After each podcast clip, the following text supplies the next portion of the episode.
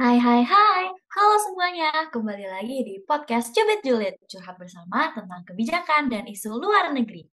Jangan lupa untuk follow Spotify kita di FPCI Chapter UPN VJ dan Instagram kita di @fpci UPN VJ. Oke, tak kenal maka tak sayang, langsung aja nih kita kenalan dulu. Di sini gue Nauka, selaku host hari ini dari Hubungan Internasional 2021, uh, selaku Staff External Affairs di FBCI UPN VJ. Nah, di sini kita bakal sharing-sharing bersama dengan Kak Ziko dan juga Kak Vina. Mungkin boleh banget nih Kak, kenalin dirinya dulu. Oke, dari gue dulu kali ya. Hmm, oke, nama gue Kenzi Karabil Aldrich atau biasa dipanggil Ziko. Gue sendiri dari Hubungan Internasional Angkatan 2021 juga. Dan gue adalah staff dari Media and Publication FPCI UPNVJ.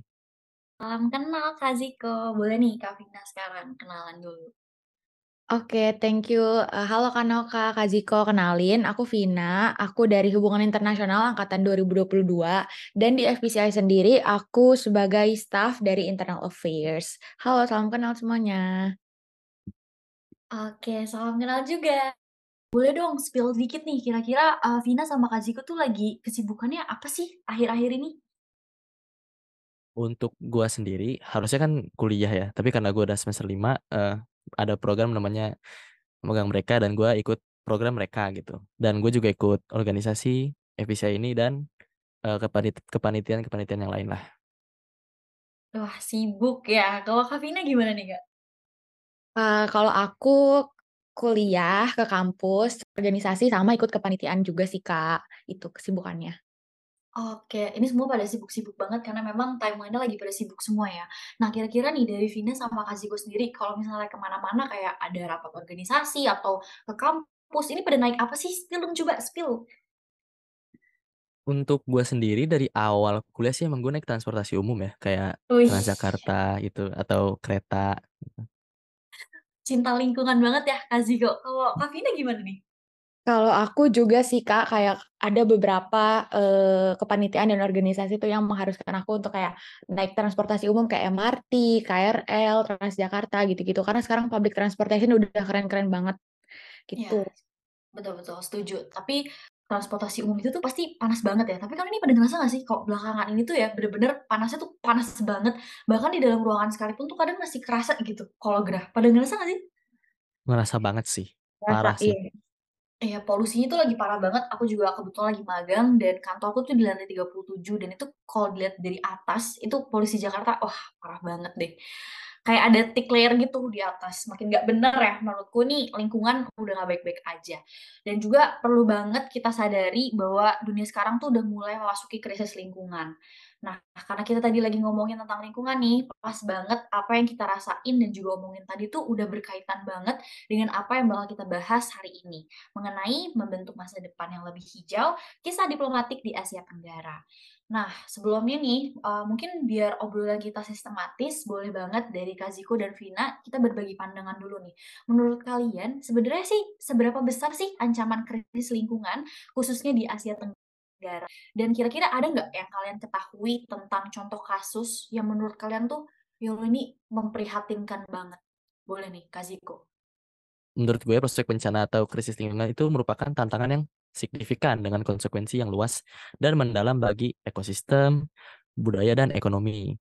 Banyak juga masalah lingkungan yang kompleks dan saling berhubungan, yang diperparah oleh urbanisasi yang cepat, industrialisasi, dan perubahan iklim. Nah, contoh daripada krisis lingkungan yang terjadi di region Asia Tenggara adalah yang pertama itu seperti deforestasi dan kerusakan hutan tropis. Nah, tingkat deforestasi tertinggi di dunia ini tuh terjadi di Asia Tenggara. Di Indonesia, deforestasi besar-besaran dilakukan untuk memberikan ruang bagi perkebunan kelapa sawit dan industri kayu. Nah, banyak juga spesies yang kehilangan ha- habitat alami mereka, merusak sumber daya air, dan melepaskan karbon yang tersimpan dalam vegetasi dan tanah. Nah, kasusnya itu seperti di Kalimantan, bagian dari Pulau Borneo tuh deforestasi yang meluas telah menyebabkan habitat seperti orang utan dan harimau hilang. Nah, deforestasi ini terutama disebabkan oleh aktivitas perkebunan kelapa sawit dan penambangan batu bara. Nah, yang kedua itu menurut gue itu polusi polusi polusi udara dan air. Nah, meningkatnya aktivitas industri dan transportasi telah menyebabkan polusi udara dan air yang signifikan di banyak kota. Salah satu contohnya adalah Bangkok, yang sering mengalami tingkat polusi udara yang sangat berbahaya bagi kesehatan manusia. Polusi ini disebabkan oleh kendaraan bermotor, aktivitas industri, dan kondisi cuaca yang tidak baik. Dan uh, menurut gue tuh yang terakhir mungkin kenaikan permukaan laut ya. Kenaikan permukaan laut itu disebabkan oleh perubahan iklim yang mengancam daerah pesisir. Nah, Robert Nichols sebagai Direktur Pusat Penelitian Perubahan Iklim Tyndall di Inggris mengatakan bahwa DKI Jakarta bahkan dianggap sebagai wilayah paling terancam di Asia karena permukaan air laut naik sentimeter per tahunnya. Nah, di tengah ancaman ini, diplomasi lingkungan antara negara harus bekerja sama. Kompleksitas masalah lintas batas dan kebutuhan untuk bekerja sama untuk mengatasi masalah bersama merupakan tantangan. Untuk mencapai solusi, pengembangan kebijakan lingkungan yang berkelanjutan dan penerapan praktik yang lebih ramah lingkungan diperlukan kerjasama yang kuat antara pemerintah, sektor swasta, masyarakat sipil, serta organisasi internasional untuk melakukan diplomasi lingkungan. Ya, berarti tadi tadi kita udah denger ya bahwa dampaknya ini benar-benar sudah ada di depan mata banget. Contohnya uh, tadi di Kalimantan dan juga Jakarta katanya bakal tenggelam dan segala macam. Mungkin kalau dari Kavina sendiri gimana nih Kak? Oke, bener banget kan Oka, aku juga setuju banget tadi sama yang Kak Zika udah sampaikan. Um, kalau dari aku sendiri, ancaman krisis lingkungan di Asia Tenggara itu tuh memiliki tingkat kepentingan yang cukup tinggi, terutama karena wilayah ini tuh menghadapi berbagai tantangan lingkungan yang cukup rumit dan memiliki hubungan yang erat antara satu sama yang lain. Pentingnya penanganan mengenai penurunan kualitas lingkungan atau yang bisa dibilang itu krisis lingkungan saat ini juga harus menjadi perhatian yang utama bagi negara-negara di dunia, khususnya di kawasan Asia Tenggara. Menurut salah satu ahli ini, kualitas lingkungan di Asia Tenggara itu semakin memburuk karena ditekan oleh tuntutan pertumbuhan ekonomi, aktivitas ekonomi yang tinggi, dan juga peningkatan populasi yang cukup pesat. Selain itu, penyebab penurunan kualitas lingkungan yang lain adalah dengan semakin meningkatnya konsumsi energi yang kemudian menyebabkan kebutuhan sumber daya dan polusi yang dihasilkan itu cukup besar. Nah, tadi yang udah disampaikan sama Kak Ziko, ada um, deforestasi, polusi udara dan air, serta kenaikan permukaan air laut, aku juga mau nambahin nih, ada beberapa case, uh, yaitu yang pertama ada krisis sampah.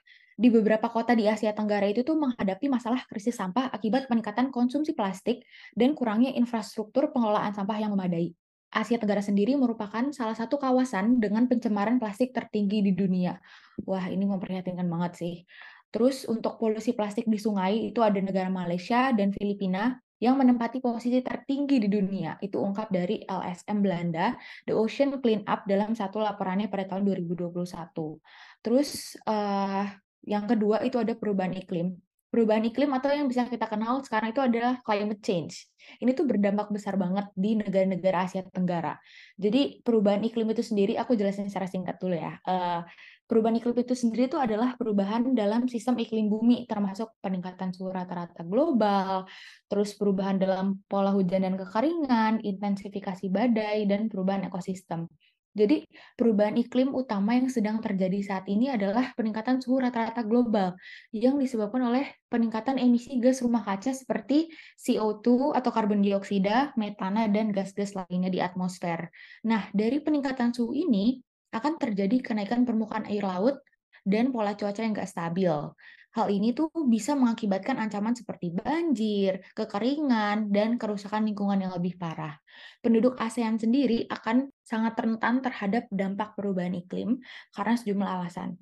Kalau kita lihat dari perspektif geografis, sebagian besar populasi di wilayah ini tuh berada di wilayah pesisir. Misalnya nih di Indonesia, 75 kota besar dan 80% industri kabupaten itu terletak di daerah pesisir. Jadi nih, naiknya tingkat permukaan air laut selain menyebabkan potensi banjir yang meningkat, tapi juga disertai angin topan dan bencana terkait cuaca ekstrim lainnya. Terus mungkin yang terakhir ini ada konflik sumber daya. Jadi itu persaingan atas sumber daya alam seperti air, lahan, dan energi itu bisa menyebabkan konflik di antara masyarakat, termasuk di antara kelompok etnis dan lokal dengan perusahaan-perusahaan besar yang beroperasi di negara tersebut.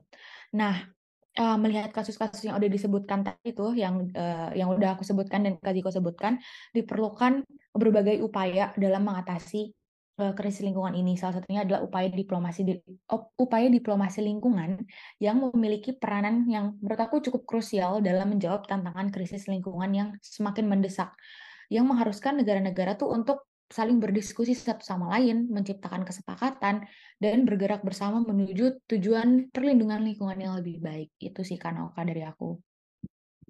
Oke, jadi setelah ngedengar kedua jawaban ya, sebenarnya itu kita sama-sama setuju bahwa ancaman krisis lingkungan ini itu merupakan hal krusial gitu yang harus segera kita tindak lanjuti. Karena kita sendiri sebenarnya udah sangat merasakan dampak ya yang ditimbulkan. Tadi kita udah dengar lah banyak ya dari Kaziko dan juga Kavina sebutkan perubahan iklim lah, konflik sumber daya, sampai ke krisis sampah. Nah, Kaziko dan Kavina juga dari tadi kalau dilihat-lihat itu sepertinya sangat meng-highlight bahwa adanya kolaborasi dalam menghadapi tantangan ini sangat perlu gitu. Apalagi tadi uh, dibilang adanya diplomasi lingkungan. Uh, coba kita kupas dulu nih sebenarnya. Menurut kalian apa sih yang dimaksud dari diplomasi lingkungan ini gitu? Dan kira-kira bagaimana sih bentuk upaya yang dapat dilakukan dari hal tersebut? Tapi pasti dalam segala upaya kita tahu dong pasti ada tantangan yang akan dihadapi. Nah, menurut kalian tantangan seperti apa sih yang akan dihadapi? Oke, mungkin dari aku dulu kali ya, Kak Uh, jadi definisi de diplomasi lingkungan itu apa sih sebenarnya? Jadi, uh, diplomasi lingkungan itu adalah upaya diplomatik yang tujuannya untuk mempromosikan kerjasama internasional dalam penanganan isu-isu lingkungan global. Tujuan utama diplomasi lingkungan ini adalah untuk mencapai kesepakatan, perjanjian, dan tindakan bersama antara negara-negara untuk saling menjaga keberlanjutan lingkungan, mengurangi dampak perubahan iklim, dan melindungi sumber daya alam. Nah, terus tadi bentuk-bentuknya tuh apa aja? Yang pertama itu ada kesepakatan internasional. Jadi negara-negara di kawasan Asia Tenggara itu saling terlibat dalam kesepakatan internasional untuk mengatasi isu lingkungan. Seperti yang kita ketahui ada namanya Perjanjian Paris atau Paris Agreement di mana Paris Agreement ini adalah sebuah perjanjian internasional yang dirancang dalam kerangka UNFCCC atau United Nations Framework Convention on Climate Change Perjanjian ini diratifikasi oleh 195 negara, negara maju dan negara berkembang dengan bertujuan untuk membatasi peningkatan suhu rata-rata global menjadi di bawah 2 derajat Celcius dan berupaya memaksimalkan hanya di angka 1,5 derajat Celcius. Nah, ini tuh melibatkan negosiasi antar negara untuk menetapkan target pengurangan emisi dan upaya mitigasi yang bersama-sama dilakukan. Selain itu, yang kedua ada uh, kerjasama regional. Jadi ada namanya Masyarakat Ekonomi ASEAN atau eh, AEC atau Association of Southeast Asian Nations Economic Community. Nah, ini tuh berupaya untuk mempromosikan pengelolaan lingkungan yang berkelanjutan di seluruh wilayah Asia Tenggara. Mereka mendorong kerjasama dalam mengatasi perubahan iklim, pengelolaan sumber daya alam, serta pelestarian lingkungan. Dan yang terakhir ini ada pertemuan dan konferensi regional. Ada namanya eh, AMME atau ASEAN Ministerial Meeting on Environment. Ini tuh memberikan platform bagi negara-negara di Asia Tenggara untuk saling berdiskusi, berbagi pengalaman, dan mengkoordinasikan tindakan terkait isu lingkungan. Nah, tadi benar banget kan disampaikan Kak, di samping eh, bentuk-bentuk uh, dari diplomasi lingkungan itu pasti ada yang namanya tantangan. Nah, tantangan utama nih yang dihadapi dari diplomasi lingkungan di Asia Tenggara itu uh, meliputi ada keragaman budaya dan sosial yang kompleks, terus yang kedua ada ketidaksetaraan dalam pembangunan ekonomi, terus ada ketidakstabilan politik di, di beberapa negara, kehadiran industri berat yang berdampak besar pada lingkungan, urbanisasi cepat yang uh, meninggalkan tekanan pada sumber daya, serta kesulitan dalam mencapai kesepakatan antar negara-negara yang beragam kepentingan nasionalnya gitu. Jadi semuanya itu memerlukan pendekatan yang bersifat kolaboratif yang cermat dan inklusif dalam merumuskan solusi yang berkelanjutan. Gitu. Oke, banyak banget tadi kita udah dikasih contoh-contoh dan juga bentuk-bentuknya. Mungkin kalau dari Kasiko sendiri gimana nih Kak? Boleh? Karena tadi udah disebutkan lengkap banget sama Vina, mungkin gue akan ngerangkum aja ya dan menambahkan pandangan dari gue aja gitu. Nah, menurut itu kerjasama dan negosiasi antara negara dan pihak lain untuk mengatasi masalah lingkungan disebut sebagai diplomasi lingkungan. Nah, karena meningkatnya perhatian yang diberikan pada perubahan iklim, pelestarian sumber daya alam, dan konservasi ekosistem, diplomasi lingkungan menjadi semakin signifikan. Nah, diplomasi lingkungan dapat mencakup perundingan dan kesepakatan internasional dan multilateral, membuat kebijakan dan hukum lingkungan, kerja sama ilmiah dan teknologi, bantuan finansial dan teknis, dan kolaborasi publik privat atau G2B. Nah, dalam diplomasi lingkungan ini ada beberapa tantangan utama. Ini termasuk perbedaan kepentingan, perbedaan tingkat kesadaran, masalah finansial, politik internal, dan interaksi global.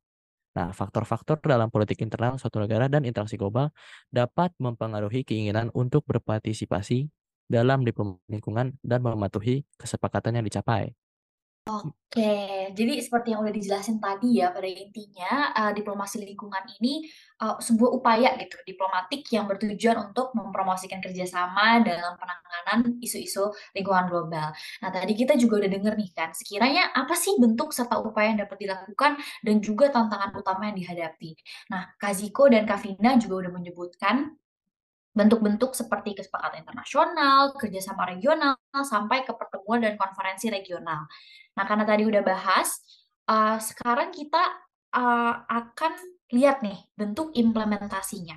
Nah, Kaziko dan Kavina, kira-kira ada nggak sih bukti konkret dari upaya diplomasi lingkungan ini yang udah dilakukan antara negara-negara di Asia Tenggara. Tapi kita semua tahu ya, pasti dalam pengimplementasiannya pasti ada errornya, ada trial and error gitu ya. Nah, kita kupas nih di sini. Kira-kira gimana sih analisis mengenai keberhasilan dan kegagalan uh, dari upaya tersebut dalam mengatasi krisis lingkungan? Boleh nih, mungkin Kak Ziko dulu deh. Oke, dari gue dulu nih. Uh, contoh yang gue tahu tuh ASEAN uh, Transboundary Haze Agreement. Nah, itu contoh nyata upaya diplomasi lingkungan yang telah dilakukan, dilakukan antara negara-negara Asia Tenggara untuk mengatasi masalah kabut asap yang disebabkan oleh kebakaran hutan di wilayah Asia Tenggara. Nah, negara-negara ASEAN telah setuju untuk bertukar informasi, teknologi, dan sumber daya untuk mengatasi polusi kabut asap lintas batas ini. Meskipun upaya ini menunjukkan kerjasama antara negara-negara di wilayah tersebut, masih ada hambatan yang menghalangi pelaksanaannya. Nah, kabut asap masih menjadi masalah karena penegakan hukum yang tidak konsisten dan kegagalan untuk mencegah kebakaran hutan secara efektif. Nah, hamparan hutan hujan terbesar ketiga di dunia berada di Indonesia, yang terutama terletak di Pulau Sumatera, Kalimantan, dan Papua. Namun, karena sebagian besar wilayahnya diambil alih oleh produksi minyak sawit dan kayu pulp, wilayah tersebut dengan cepat hilang, membuat Indonesia pernah menjadi penghasil gas rumah kaca terbesar ketiga di dunia, hanya kalah dari raksasa industri Amerika Serikat dan Cina. 75% emisi Indonesia berasal dari deforestasi, degradasi hutan, dan kerusakan hutan. Mungkin terdengar agak eh, hipokrit ya, melihat mereka bikin perjanjian kayak gini, tapi ujung-ujungnya mereka lagi yang rusak, mereka lagi yang rusak gitu. Agak lucu sih emang. Oke, bener banget, sangat disayangkan ya. Coba kalau misalnya dari Kavina, uh, gimana nih pandangannya? Oke, tadi uh, kalau dari Kaziko itu ada Asian Transboundary Haze Agreement. Kalau dari aku mungkin ada Asian Working Group on Climate Change atau eh, AWGCC. Ini adalah wadah kerjasama antar negara-negara anggota ASEAN untuk mengatasi isu perubahan iklim dan merumuskan langkah-langkah bersama dalam menghadapi tantangan ini. Nah, kalau kita lihat uh, apa sih keberhasilan dari AWGCC ini? Uh, jadi keberhasilan itu bisa kita evaluasi dari beberapa faktor. Yang pertama itu dari kerjasama regional yang terwujud dalam pengembangan strategi bersama, terus juga ada pertukaran informasi dan koordinasi antar negara. Terus yang kedua juga ada peningkatan kesadaran masyarakat dan eh, pemangku kepentingan melalui pertukaran pengetahuan tentang dampak dari perubahan iklim di wilayah ini. Terus yang ketiga itu ada uh, penyusunan rencana aksi bersama dan strategi regional untuk mengurangi emisi dari gas rumah kaca dan mengatasi dampak perubahan iklim. Namun, AWGCC ini juga menghadapi beberapa kegagalan nih tadi uh, yang disebutin ada trial and error-nya. Itu ada ketidak itu bisa kita lihat dari ketidakseragaman komitmen dan kemampuan negara-negara anggota. Terus yang kedua bisa kita lihat juga dari prioritas ekonomi dan pembangunan yang berbeda, terus serta ketidaksetujuan mengenai uh, pendekatan dalam mengatasi perubahan iklim. Tapi meskipun demikian, EWGCC ini tetap menjadi langkah penting dalam upaya regional dalam menghadapi tantangan perubahan iklim di kawasan Asia Tenggara gitu. Berarti dari penjelasan tadi bisa disimpulkan ya bahwa secara keseluruhan dari upaya diplomasi lingkungan di Asia Tenggara ini tadi yang udah disebutin nih kayak ASEAN Transboundary Haze Agreement dan juga ASEAN Working Group on Climate Change atau AWGCC itu merupakan ternyata langkah penting gitu dalam mengatasi tantangan lingkungan di wilayah tersebut. Nah, oke, okay. karena kita lagi ngomongin organisasi internasional juga nih, pasti Kaziko dan Vina tahu dong ya mengenai tadi itu uh, eh, WWF atau World Wide Fund for Nature dan juga WNO atau komunitas-komunitas lainnya nih. Nah, bagaimana sih sebenarnya menurut kalian peran organisasi internasional ini tuh untuk mendukung diplomasi lingkungan di Asia Tenggara? Boleh nih mungkin dari Vina dulu deh. Oke, uh, kalau dari aku, organisasi internasional kayak World Wide Fund for Nature atau uh, WWF dan kesepakatan regional bersama dengan komunitas dan aktivis lingkungan itu menurut aku uh, memainkan peran yang cukup penting ya dalam mendukung diplomasi lingkungan di kawasan Asia Tenggara. Jadi uh, dengan melalui advokasi dan pendidikan, mereka ini tuh bisa meningkatkan kesadaran masyarakat terkait isu-isu lingkungan yang uh, bisa dikatakan tuh sangat mendesak pada saat ini. Terus dengan melakukan penelitian yang mendalam, terus uh, bisa juga dengan pengumpulan data serta pengawasan terhadap implementasi kebijakan, mereka ini tuh bisa memberikan dasar yang kuat bagi diplomasi lingkungan. Mereka juga berfungsi sebagai agen lobby dan uh, diplomasi, terus membangun jembatan antara pemerintah, sektor swasta, dan masyarakat untuk merumuskan kebijakan dan langkah-langkah konkret. Terus ada dukungan finansial, pendanaan proyek berkelanjutan, serta aksi sipil dan kampanye yang mereka galang itu tuh mendorong tindakan kolektif dalam mengatasi krisis lingkungan di wilayah Asia Tenggara. Jadi dengan menjalin kerjasama yang kuat, organisasi internasional, kesepakatan regional, komunitas, serta aktivis lingkungan itu uh, menurut aku berperan penting dalam upaya diplomasi lingkungan dan mempromosikan keberlanjutan di wilayah Asia Tenggara. Oke, makasih Vina. Kalau dari Kak Ziko sendiri gimana nih? Kira-kira sepaham nggak sama Vina? Sepaham banget, uh, karena tadi mungkin karena Vina udah bahas uh, organisasi organisasi internasional seperti WWF, nah gue bakal bahas dari komunitas aktivitas uh, lingkungan gitu. Nah, menurut gue tuh diplomasi lingkungan di Asia Tenggara emang sangat didukung oleh komunitas aktivitas lingkungan, kesepakatan regional, dan organisasi internasional. Melalui pendidikan, advokasi, pengawasan, dan pembentukan kebijakan, mereka sangat membantu mengatasi tantangan lingkungan di wilayah ini. Komunitas dan aktivis lingkungan melakukan beberapa hal, seperti penggerak kesadaran atau mereka dan komunitas lokal itu mengedukasi masyarakat tentang dampak lingkungan dan mendorong kesadaran tentang perlunya tindakan kolektif. Yang kedua itu aksi sipil dan kampanye. Mereka juga melakukan demonstrasi, petisi, dan kampanye publik yang dapat mempengaruhi kebijakan dan tindakan pemerintah dan swasta dan pemantauan independen. Mereka juga melakukan, melakukan pemantauan secara sendiri terhadap kebijakan-kebijakan tersebut. Nah, secara keseluruhan, kesepakatan regional, komunitas, dan aktivis lingkungan memainkan peran penting dalam mendukung diplomasi lingkungan di Asia Tenggara. Aktivis ini memberikan suara untuk lingkungan, meningkatkan kesadaran publik, mempengaruhi kebijakan, dan mendorong kolaborasi lintas batas untuk memastikan kesejahteraan masyarakat dan keberlanjutan lingkungan di kawasan ini. Tuh. Oke, tadi kalau udah dengar pendapat dari Kak Ziko dan juga Vina, uh, kesimpulannya ternyata tuh dalam upaya mengatasi krisis lingkungan di Asia Tenggara ini, ternyata peran organisasi internasional tuh benar-benar penting ya dalam mendukung diplomasi lingkungan. Tadi yang udah disebutin kayak melalui advokasi, pendidikan, pengawasan implementasi kebijakan, sampai ke dukungan finansial. Mereka ini ternyata juga berkontribusi dalam meningkatkan tadi yang Kak Ziko udah bilang, kesadaran masyarakat, merumuskan kebijakan, dan juga mendorong aksi kolektif untuk menjaga keberlanjutan lingkungan. Oke, setelah panjang lebar nih kita berbincang dan juga berdialog sama Kaziko dan Kavina, uh, kita tarik dulu kesimpulannya bahwa ternyata di Asia Tenggara ini uh, sedang menghadapi tantangan yang sangat serius dalam bentuk krisis dan juga bencana lingkungan yang memiliki dampak luas dan mendalam pada ekosistem. Nah, seperti yang udah tadi kita sepakati ya dan diskusi uh, tadi bahwa diplomasi lingkungan ini menjadi aspek penting dalam menghadapi tantangan uh, dengan mempromosikan kerjasama internasional, kesepakatan, dan tindakan bersama untuk melindungi lingkungan dan juga sumber daya alam. Tidak lupa tadi udah kita obrolin juga adanya turut andil organisasi internasional, kesepakatan regional, komunitas, dan aktivis lingkungan itu juga memainkan peran yang sangat penting dalam mendukung diplomasi lingkungan uh, untuk meningkatkan kesadaran serta tindakan terhadap masalah lingkungan di wilayah Asia Tenggara ini. Oke, thank you banget nih insight dari Kak Ziko dan Kak Vina yang udah bersedia sharing-sharing dengan pendengar podcast Jubit Julid. Tadi penjelasannya juga udah sangat jelas dan komprehensif. Mungkin boleh nih untuk Kak Ziko dan Kak Vina uh, kalau ingin memberikan closing statement, boleh mungkin dari uh, Vina dulu? Oke, thank you banget buat Kanoka dan Kak Ziko tadi buat sharing-sharingnya dan insight yang udah dikasih tadi luar biasa banget setelah kita mengulik terkait isu lingkungan khususnya di Asia Tenggara tuh ternyata kayak benar-benar memprihatinkan dan ini harus menjadi concern kita semua. Karena dampaknya pun kita udah ngerasa gitu sekarang yang tadi udah dimention di awal.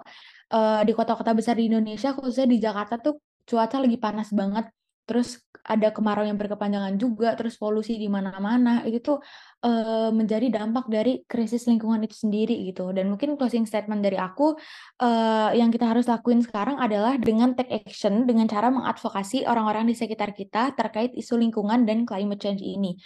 Dengan cara apa? Yaitu balik lagi ke awal tadi, diplomasi lingkungan. Karena, eee, yang tadi udah dibahas juga dampaknya pun kita udah ngerasa sekarang, karena menurut aku pribadi, eee, small actions yang kita lakuin itu matters buat ke depannya. Karena kalau bumi kita nih udah rusak, kita nggak tahu mau tinggal di mana lagi, kayak there's no place to live in gitu. Jadi kita harus sama-sama aware terkait masalah lingkungan ini, gitu sih Kak dari aku.